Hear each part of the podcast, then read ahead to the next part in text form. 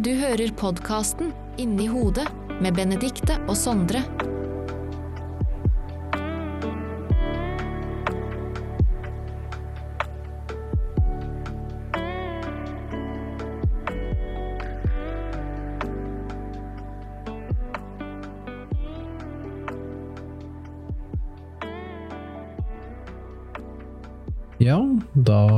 Ønsker jeg meg vel ønske velkommen til episode seks av podkasten KODS. I dag nå har jeg nesten fått sånn afasi, som det heter på eh, sykepleier- og legespråket, altså talevansker. Eh, Men eh, vi får håpe det bedrer seg litt etter hvert. Det er bare det at ikke du er vant til å ta innledninger, for den tar jeg. Det er helt riktig. Jeg kjente pulsen steig litt når jeg ble bedt om det. Jeg følte mundigere enn tok meg når du begynte. Ja, det Som vanlig, altså. Ja. Ja.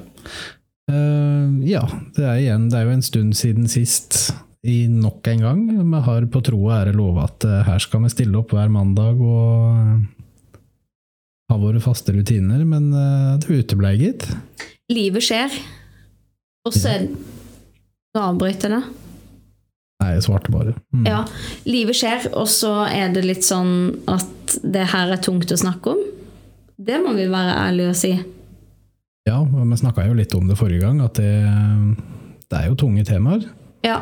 Eh, Men samtidig så tenker jeg at dette er jo ikke noe som skal stoppe, men eh, jeg tenker òg at vi må nok ta forbehold om at det kommer litt sånn i rykk og napp. Du må få lov å ta den tida det tar, og det, og det er jo det som på en måte gjør episoden òg, er at vi må kjenne på at vi har noe å snakke om, og at vi er klare for det. Ja, men vi vil jo ikke snakke om uh, helt tomme temaer, på en måte. Eller vi vil ikke, vi vil ikke lage episoder uten et godt innhold.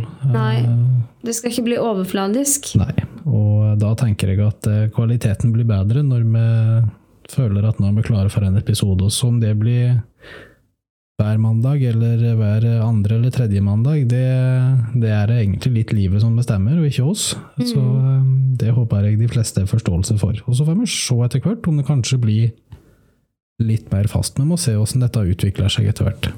Absolutt. Mm.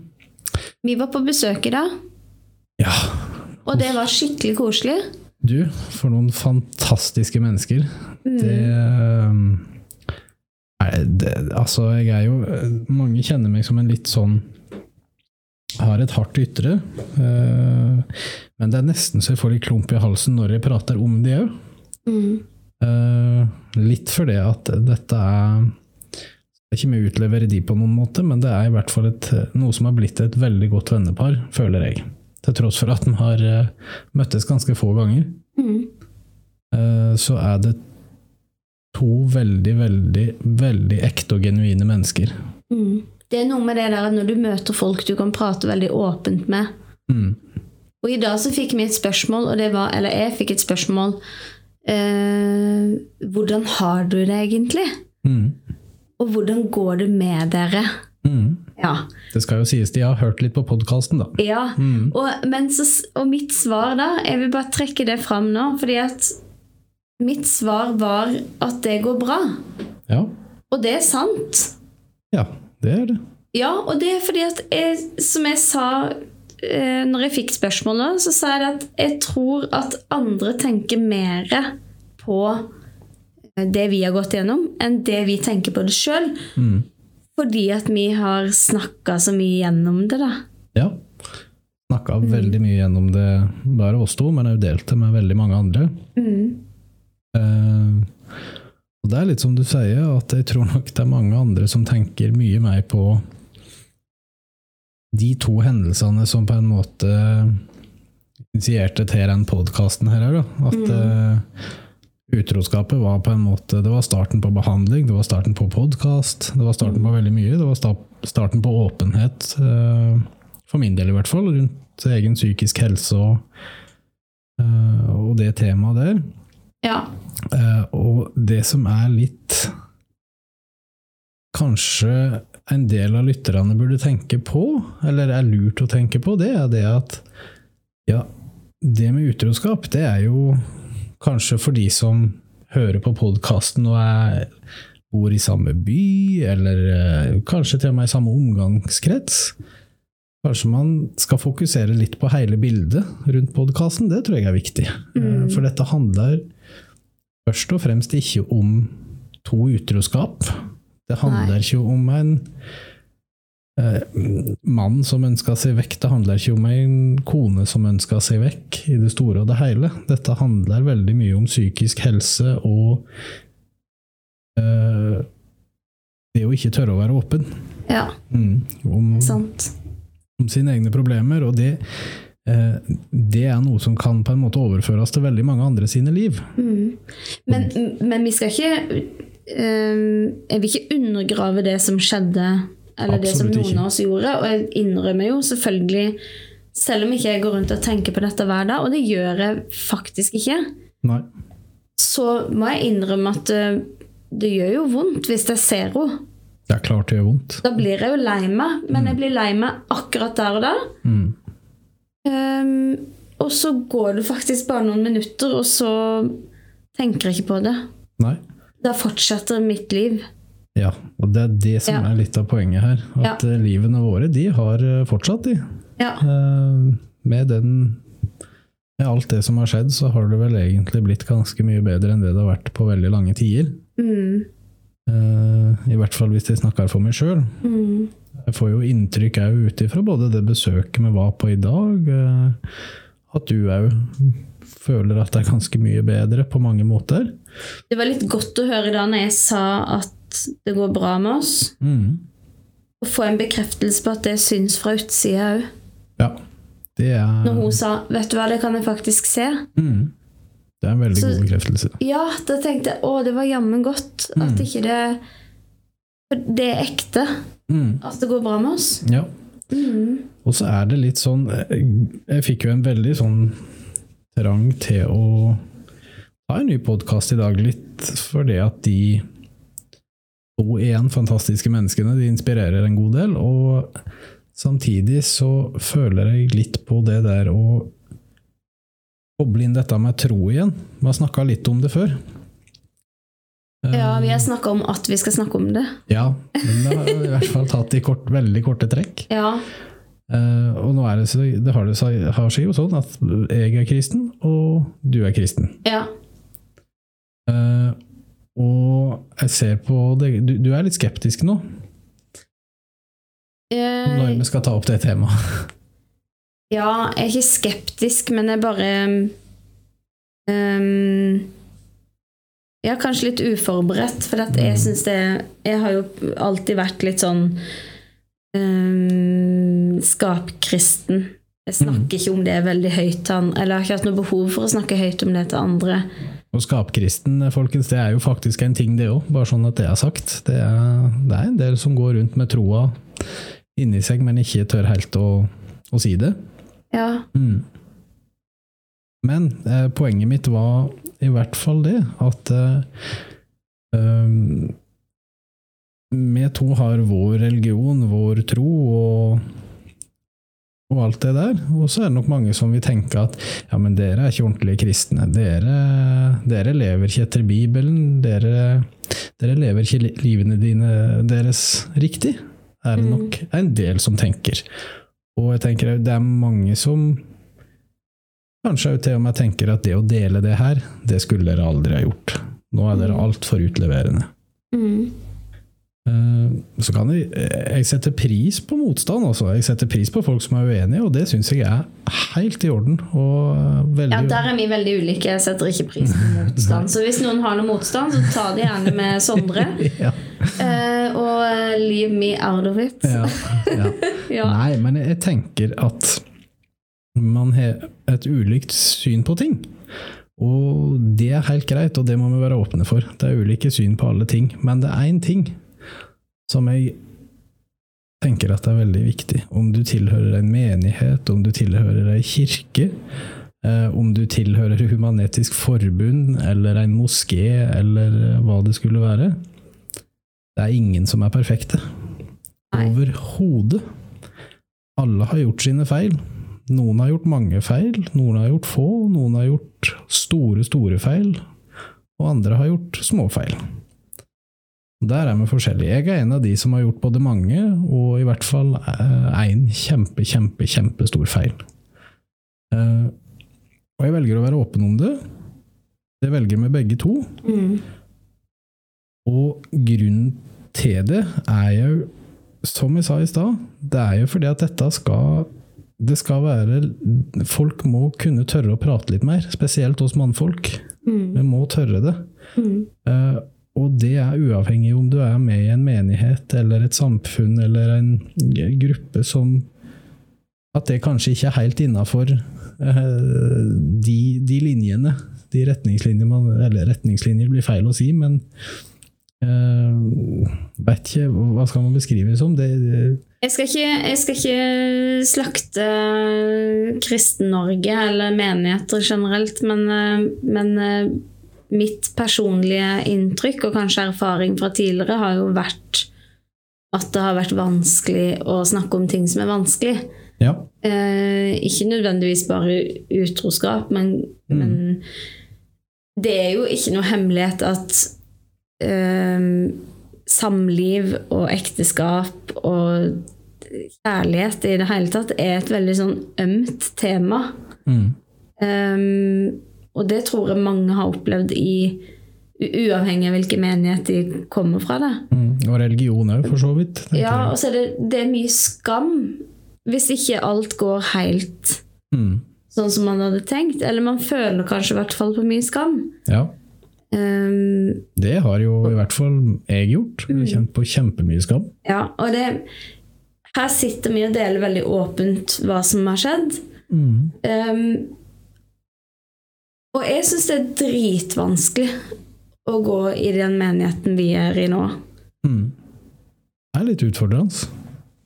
Ja, Selv om det er en vanvittig flott menighet sånn sett fra mitt synspunkt. Det ja er jo masse flotte folk. Og, fantastiske mennesker.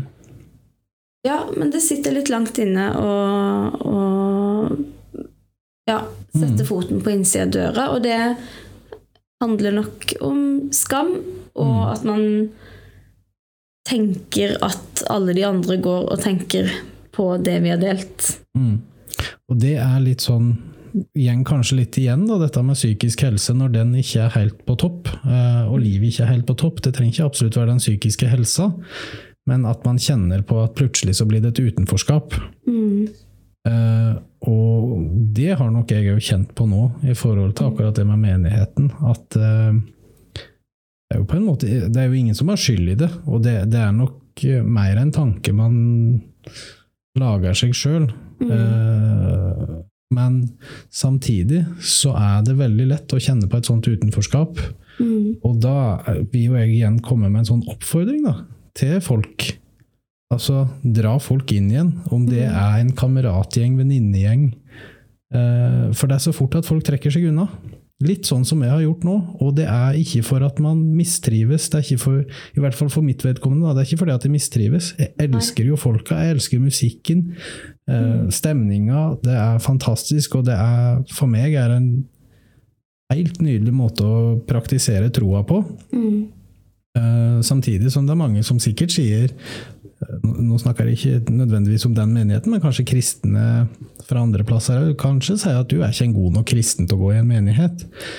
Så tenker jeg, det, Den som kommer og sier det, den må, den må i hvert fall lese Bibelen, da, hvis det er det de har for vane å lese. Les den en gang til, så vet jeg at det er ikke de som skal dømme noen. og det er litt viktig. At eh, her skal vi ta vare på hverandre. Og det mm. Nå skal ikke jeg drive og prakke på på en måte den kristne tro på noen, men det er nå i hvert fall en religion vi tilhører. Og, Men det kan overføres til vennskap, det kan overføres til tilhørighet. Altså det, det trenger ikke være snakk om bare tro. Nei, for å vinkle det litt eh, bort fra uh, tro og menighet, da, men bare til å være litt mer generelt, så um, Nå har jeg begynt på journalistikkstudiet. Ja, bare, bare, jeg må bare informere om det. Da. Du gikk ut jo med da A på bachelor i sosionomstudiet i juni, så tenkte Da har jeg altså ei kone som tenker et par dager etterpå ja, var forbaska leit å ikke skrive noe mer eller ikke ha noen flere oppgaver, så hun meldte seg rett på journaliststudiet. Ja. Eh, og eh, Ja, det, det er litt som jeg har sagt før. Altså, om det er en tre-fire bokstaver på en diagnose der, det vet jeg ikke, men det er i hvert fall Du, du, er, så, du er så rå når det kommer til stykket. Jeg må ha litt å drive med. Ja, men det, det er så kult! Altså, Ja. du gir det ikke, vet du. Nei. Og det er jo litt sånn ekteskapmessig og sånn. Du gir det ikke. Nei. Du gnur på, og så lar du ikke ting stoppe deg, og det er det står det så vanvittig respekt av. Jeg tror det er det eh, Ikke at jeg har det så veldig fælt nå, men det er litt sånn måte å overleve på for min del. Det har det alltid vært. At jeg bare dundrer på med veldig mange ting å gjøre. Mm. Um, nå sporer vi litt av, men vi har jo snakka om tidligere hvordan du på en måte rømte fra ting. da. Mm. Og jeg tror ikke jeg bevisst rømmer fra noe sånn veldig spesifikt nå, Nei. men at jeg alltid har følt at jeg har det litt bedre, eller i hvert fall litt lettere, hvis jeg har veldig mange ting å drive med. Ja. Um, da slipper man å sette seg ned og kjenne etter Mm. Om åh, har jeg det greit nå, eller har jeg det ikke greit, er det noe som er litt vondt eller tungt. Ja, ja. Har liksom ikke tid til det, og det syns jeg føles eh, som en lettelse, faktisk. Mm. Ja, jeg gjør det. Men tilbake til poenget. Mm. På dette studiet eh, så får vi jo litt oppgaver innimellom. Ja. Eh, og da, når jeg skulle skrive en artikkel, så tok jeg da en eh, La ut en liten undersøkelse på den skolen jeg går på, eh, for å få menn til å svare på eh, eh, hvorvidt de snakker med andre hvis de ikke har det bra. Mm. Eh, og det eh, som jeg kom fram til da, av resultatene da, var jo faktisk at de fleste eh, er veldig komfortable med at andre tar kontakt med dem. Mm. For, altså, hvis de har en kamerat som kommer for å prate med dem om hvordan de har det, så sier de ja, det er jeg komfortabel med. Og det var godt over 90% som sa ja til det. Det er jo en lettelse å se at um, mest sannsynlig de fleste menneskene rundt oss er klare for å ta imot den samtalen hvis man kommer. Ja. Uh, andre veien var det litt verre, for det var jo over 40% som sa at de ikke var komfortable med å ta kontakt med en kamerat for å snakke om hvordan de hadde det. Mm. Um, så jeg tenker at uh, det ser ut som at vi er på vei mot et samfunn hvor man i alle fall er mottagelig for å høre Mm. på andre. Ja.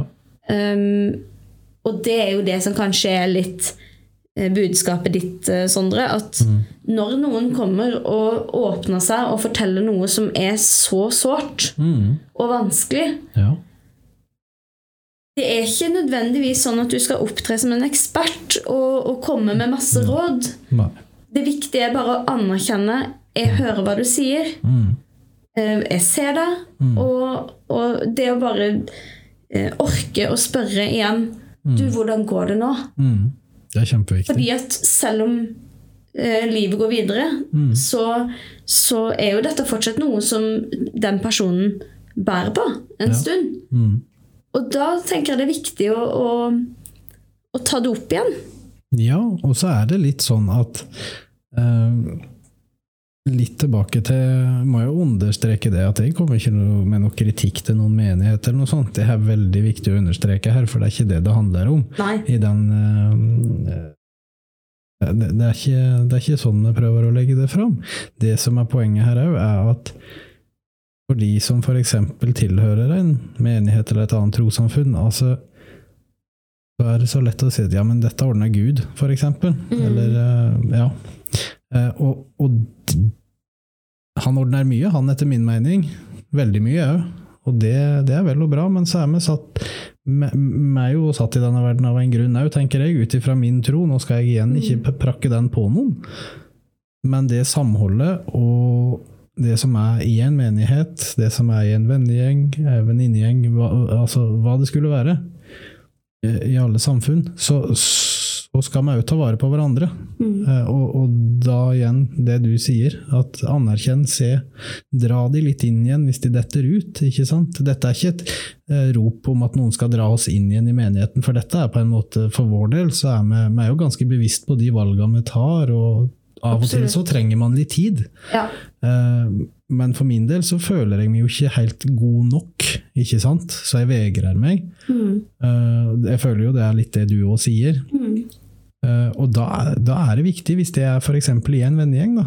Da Mm. må den vennegjengen altså trå til, og så dra deg og hale deg inn igjen. For det er Det handler om å hale og dra. For det, at det, er ikke Det holder faktisk ikke å si 'du kom innom en tur', da. Det, det holder ikke. å si Hele det, poenget er å tåle å ta i det som er vanskelig. Rett og slett. Så Og det det er ofte så, så Ja, det er lettere å la være. Og jeg skal innrømme at jeg har jo jeg har, eh, jeg har min tålegrense, jeg òg. Altså, for eksempel jeg, Det verste jeg eh, skulle prøve å, å ta i, er hvis noen mister et barn. Da syns jeg det er vanskelig å, å tørre å spørre hvordan går det. Mm. Fordi at man er redd for å bli sittende i en samtale man tenker at man kanskje ikke håndterer. Ja. Men så glemmer jeg den biten med at kanskje det bare er det som skal til at du spør hvordan går det, Mm. og så um, den som blir spurt, Mm. har nok antennene ute og, og kan på en måte føle seg fram til hvor mye som er greit å si, men Ja. at det var selve spørsmålet som var viktig. Mm. Og ikke nødvendigvis at det skal få et sånn etterspill med en, en voldsomt dyp samtale, men bare det der å vite at man blir huska på.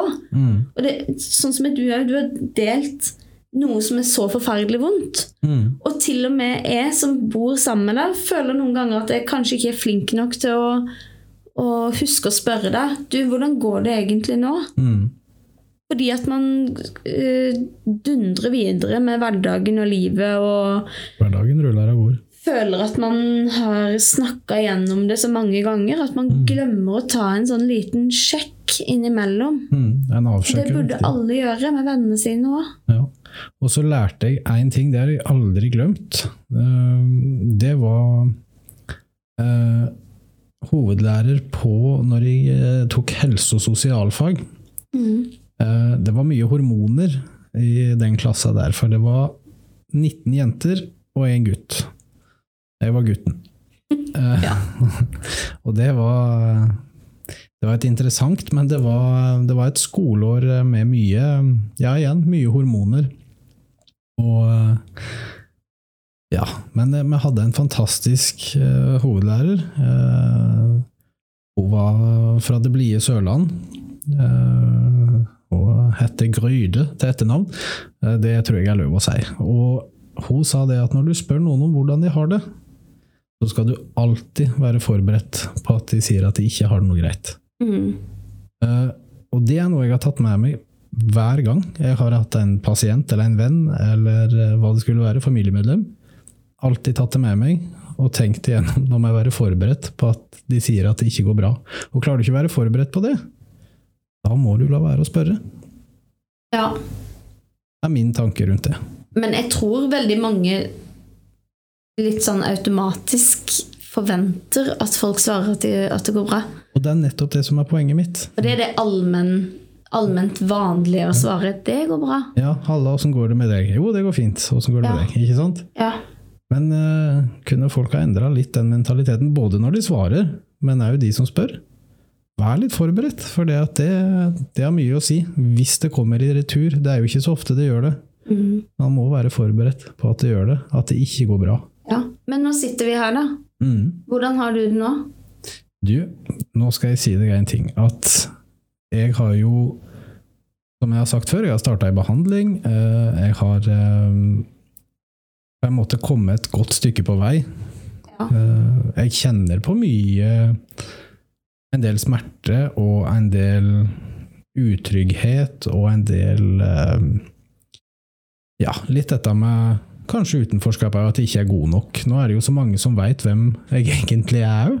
Og det, det skaper litt utrygghet i livet mitt, både i forhold til arbeidsliv, hvis man skal søke nye jobber. Hvem er det som har hørt dette her? Hvem, hva tenker de om det? Tenker de det er bra? Tenker de det er dårlig? Tenker de, ikke sant? Det, det kan spille inn på mange ting, men det, det velger jeg å ofre. Eh, Men i det store og det hele så går det òg mye bedre nå enn det har gjort. For det at jeg er mer bevisst på hva som egentlig har foregått i hodet, og at jeg har fått det ut, eh, Ja. og at jeg får hjelp, og at det er en plan på ting. Ja. Jeg skal gjennom en ganske sånn omfattende traumebehandling. Og den har du ikke begynt på ennå? Nei, eh, ikke, ikke i det store og det hele. Nei. Eh, Begynt liksom sånn innledningsvis. eh, Masse intervjuer, masse spørsmålsskjema. Eh, Kjempe Kjempemye informasjon som skal ligge til grunn, og det tenker jeg er bra. Det er slitsomt, men det er bra. Men med meg så går det, hvis en skal se tilbake de tre siste åra, så går det mye bedre i dag enn det det har gjort noen av de dagene de tre siste åra. Og Ja. det føler jeg på en måte at det gjør dag for dag, at det blir bedre og bedre. Det er veldig godt å høre. Da må jo jeg være så høflig og oppegående at jeg spør hvordan går det med deg? Ja, det skal jeg svare på snart, men jeg har flere spørsmål. Ja, da Først. får du spørre. Ja. Nei, men jeg bare lurer litt på, for at nå Den traumebehandlinga du skal gjennom, Mhm. Ehm, da skal du jo pirke borti ganske mange ting Ja. som har skjedd. ja. Kjenner du at du gruer deg til det? Nei, Nei? ikke nå. Er det en lettelse at du skal gjøre det? Ja, på sett og vis så er det det. Det som er lettelsen rundt det her, det er jo at eh, jeg har en psykologspesialist som sier at dette kommer til å gå bra. Ja. Dette kommer til å gå fint. Men det er jo ikke rart du har hatt det som du har hatt det når du har låst det inne. Nei. Eh, Bare å få en sånn bekreftelse er veldig betryggende. Og Ja. da tenker jeg at ja, det blir beintøft å gå gjennom det ene og det andre. Eh, Men samtidig så tenker jeg at jeg er jo heldig som får den behandlinga. Mm. Jeg er heldig som er her i dag. Eh, Så han må ta med seg det positive. Mm. Og så er det litt viktig òg at jeg er ikke så veldig selvmedliden, sjøl om jeg nå har prata masse om selvmordstanker, planer, forsøk, utroskap, kriser etter krise. eh, Så veit jeg så inderlig vel at det er så mange andre der ute som hele mangfoldige ganger mye tøffere og hatt mye mer traumatiske opplevelser enn det jeg har hatt. Eh, Det er litt viktig for meg å si, at det er ikke spesielt synd på meg. Det er Men jeg har hatt mine ting, og de tinga er såpass store for meg og mitt liv at det er noe jeg må bearbeide og gjøre noe med på en systematisk måte. Mm. Uh, Men igjen, det er litt viktig det der, at dette ikke blir en sånn 'dette er synd på meg'-samtale. For det at det tenker jeg ikke om meg sjøl. Jeg er veldig heldig som er her i dag. Få se Ja, sola og skyene og alt det der. Ja, men det må være lov å si òg at jo, faktisk er det litt synd på deg. Du har vært igjennom noen ting som, som uh, man ikke fortjener å oppleve. Altså, jeg kan få lov å si at nei, jeg syns faktisk litt synd på deg. Det er veldig urettferdig, noen av de opplevelsene du har hatt. De er unødvendige og urettferdige, og de har satt et preg som, som uh, Ja, nå sitter vi her nå, da. Men samtidig så tenker jeg at eh, jeg håper at det skal komme noe godt ut av det. Jeg håper at noen, eh, noen av dere som sitter og hører på dette her, eh, kan få bruk for det på den ene eller den andre måten. Om det er noe som er vanskelig i, i samlivet, eller om det er noen som sitter med, med vonde tanker, at man får motet til seg til å gjøre noe med det, eller ta kontakt med noen som kan hjelpe, eller eh, Og- Ja. Men samtidig, når du sier det at ja, at du, du synes det er synd og urettferdig, så det, det kan jeg forstå kanskje at andre òg syns til en viss grad. Mm. Uh, Men det er liksom Det er ikke poenget mitt at det skal være synd på Nei, meg. det. Eh, Og det som òg er litt viktig å få fram, det er at det er en del, eller veldig mange av de litt større hendelsene, uh, hvor ting har vært svært, det har vært stort, det har vært på en måte traumatisk, det er i de situasjonene du lærer egentlig hvem du er, på mange Mm. måter. Og for meg som en uh, sykepleier, Mm. så har de hendelsene kommet meg så, til, så vanvittig til gode. Det handler om at det jeg har opplevd, har gjort at du klarer egentlig ikke å vippe meg av pinnen, sjøl om i at man er på et akuttmottak, og det er masse blod, det kan være skriking, det kan være forferdelig å se på, men det vipper meg ikke av pinnen, og jeg står og stødig i det faglige jeg gjør, hele tida. Det er ikke for å gi meg sjøl skryt, for det er det ikke, men jeg veit at de hendelsene er med til å ha gjort til at jeg klarer å Holde fokusere fatninga. Holde fatninga kanskje mer enn det jeg ville ha gjort ellers. Ja. Så jeg trekker ut de positive tinga, for du du klarer nok ikke å vippe meg av pinnen, eh, på samme måte som du ville ha klart det hvis, ting hadde, hvis de ikke hadde opplevd de tingene jeg har opplevd.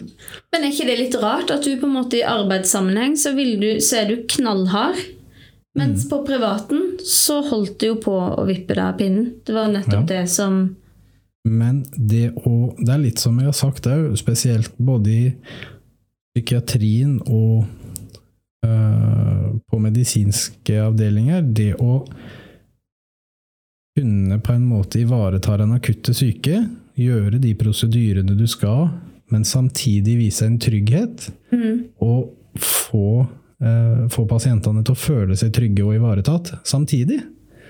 Eh, og både barn og voksne. Det er det var nok på en måte det er noe som gjør så mye med en sjøl og det tror jeg gjør mye med enhver lege og sykepleier og helsefagarbeider og hva det skal være. Ble det en trøst for deg, på en måte?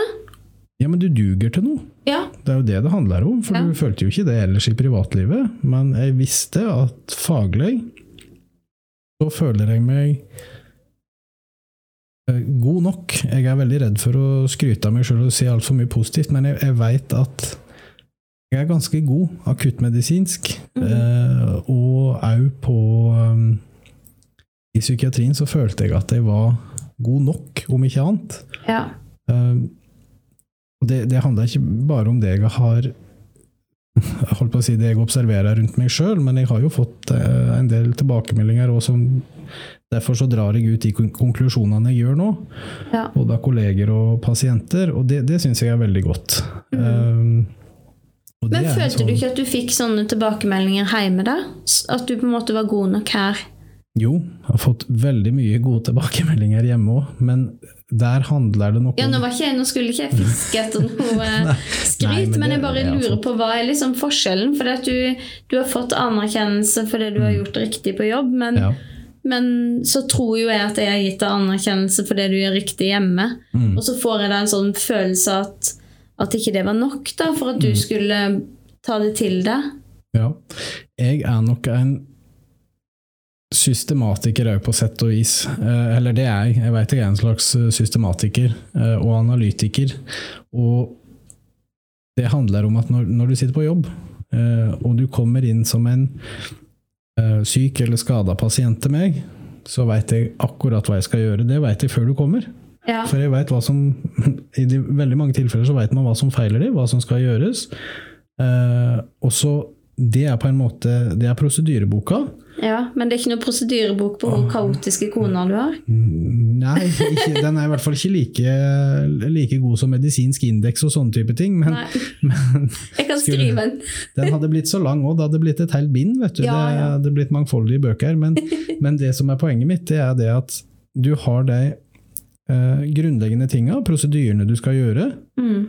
Eh, og det, de- skal bare gjøres. Og så kan du på en måte velge sjøl å gjøre full innsats på det, men òg i tillegg alt det imellom. Det må gi trygghet, det må gi, eh, gi en form for ro, ikke sant? Eh, og det, det er det det handler om, at jeg følte at jeg lykkes med det veldig ofte.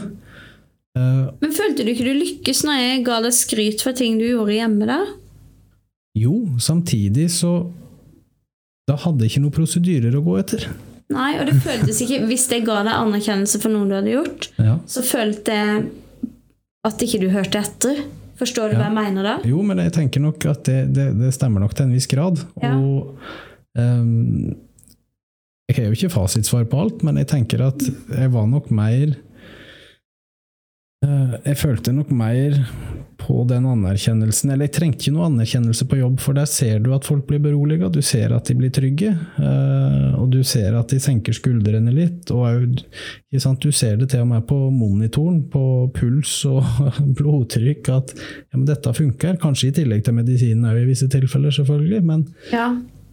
det at du, du jobber med ett helt menneske, og det får du Du får gjort så mye med det mennesket på veldig kort tid, vel å merke. Men der ser du så fort effekten av det du gjør òg. Jeg skulle jeg akkurat til å si det. Du kan se veldig tydelig resultat med en gang. Mm. Og den, på en måte, den pasienten som jeg har på akuttmottak som kommer inn med brystsmerter, ikke sant, for eksempel, da. Mm. Uh, og man gir den gode initielle behandlinga samtidig som Der er det jo helt essensielt å gi en uh, følelse av trygghet og ro i tillegg. Ja. Uh, hvis det skulle være sånn at uh, det er snakk om et hjerteinfarkt eller andre, andre typer hjerteproblemer, så er det ja. kjempeviktig. Og da, da, Du ser effekten av det du gjør med en gang. Men så du ikke effekten av Si vi sto her og pussa opp, da. Jo. Du har lagt et gulv, og jeg blir så blid. Da ser du effekten med en gang. Ja, du ser effekten med en gang. Du gjør det. Ja. Eh, men jeg har ikke helt svaret på alt. Men det handler Nei, nok det om at Nå griller jeg deg litt, da. Men Ja, men eh, det, det er greit, det tåler jeg. Men jeg tenker at det er én ting, men så er det alle de andre hundre tinga jeg ikke har gjort ennå. Mm. Mens hos den pasienten så vet jeg at nå har jeg gjort alt jeg skulle ha gjort. Og har ikke gjort alt det jeg skulle ha gjort, så har jeg gitt beskjed til nestemann som tar over at det her har jeg ikke gjort, det må du gjøre. ja. Så du veit at, du vet at det blir gjort, og du veit at det blir gjort riktig. Og jeg har gjort feil, jeg òg, som sykepleier, det er ikke det jeg mener. Men ting blir i hvert fall gjort, og Mm. du har en, i de aller fleste mulig, eh, tilfeller muligheter til å rette på de, de feila du gjør. Eh, Og komme ut med et godt resultat. Det er ikke alltid tilfellet i en familie. Nei, du føler at det vil ingen ende ta, da? På Man kan måte. føle seg litt utilstrekkelig, ikke sant? for Ja. det er så mange ting. Det er oppussing av hus, eh, og i vårt tilfelle så var det jo to utdanninger som pågikk parallelt samtidig som to fulltidsjobber, mer eller mindre, og Mm. unger i tillegg oppå det, og så var det traumer, og så var det ditten og datten. Ja. Eh, Og det er klart at da blir jobben en annen verden.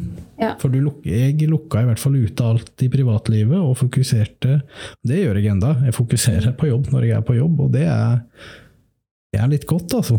Uh, Jeg skal innrømme at jeg syns uh, i, I mange perioder i hvert fall har jeg syntes at det har vært befriende å komme på jobb. mm, Fordi jeg syns det er litt tungt å være hjemme. Ja. Og det syntes jeg i den perioden hvor du jo da visste jo ikke jeg hva som egentlig foregikk, men jeg kjente at det var godt å være på jobb, for da var det alle andres problemer og ikke mine. Eller det var bare det er litt mer perifert. Ja, Ja. at det var godt å slippe. Mm, Men tilbake, du spurte hvordan jeg har det, og Ja. det føler jeg egentlig jeg svarte på innledningsvis. Jeg Mm. bekrefta jo at uh, jeg føler jeg har det bra. mm, Um, jeg går ikke og tenker enormt mye på dette her. mm, Eh, det dukker opp litt sånn innimellom. mm, Og hvis noen spør, så kan jeg bli litt frynsete. mm. Ja. Og Men er ikke det bra å kunne bli litt frynsete, da? Være litt jo, det hadde jo vært rart hvis alle følelser rundt det var borte. Det Ja. hadde jo Da hadde jeg jo følt meg veldig sånn kynisk. Mm. Men, men eh, jeg syns det er godt å slippe å gå rundt og være lei seg hver dag.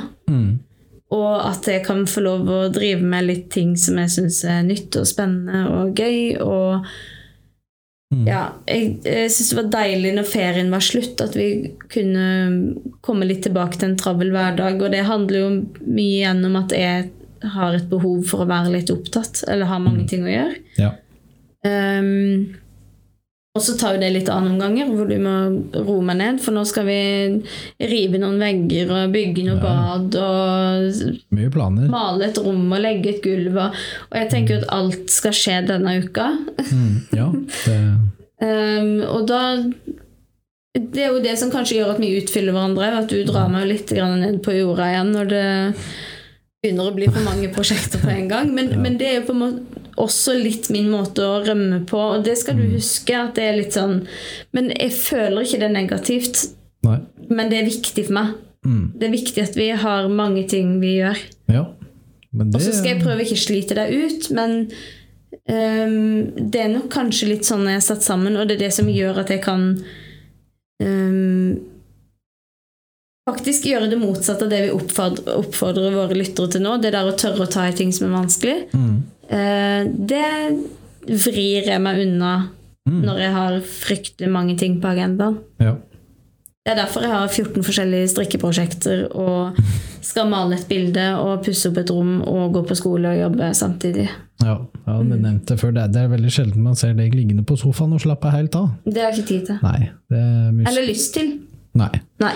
Og der er, der er vi alle forskjellige, men jeg tenker Mm. at det, det er jo det er en overlevelsesstrategi på enkelte måter, det òg, tenker jeg. Mm. Samtidig som du Det er en stressmestring òg, faktisk, Mm, ja, for meg å drive med mange sånne Mm.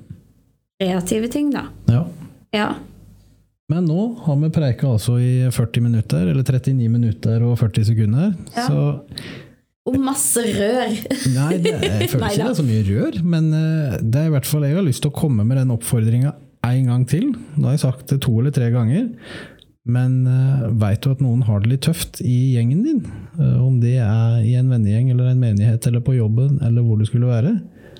Det nytter ikke bare å strekke ut en lillefinger, du må dra med begge armene. Mm, og orke å spørre hvordan de har det. Ja, Og tåle det svaret som kommer. og orke å gjøre en innsats, en ordentlig innsats. Ja. For det er ikke lett for den som føler på et utenforskap. Nei. Yes, Og så prøver jeg med Jeg tør ikke å love noe neste episode når den kommer, men eh, det kommer. Den kommer. Det er bare Det er livet Det som bestemmer det, rett og slett. Ja, er Hverdagen. det. Mm. Men jeg tror ikke det blir så lenge til. Nei, det tror ikke jeg heller. Nei. Nå har vi så mye på hjertet at nå kunne vi prata en time til. Men Ja. uh, få få gi de litt pause, stakkars. Ja. ja. Da sier vi ha det. Ha det. Du har hørt podkasten Inni hodet med Benedikte og Sondre.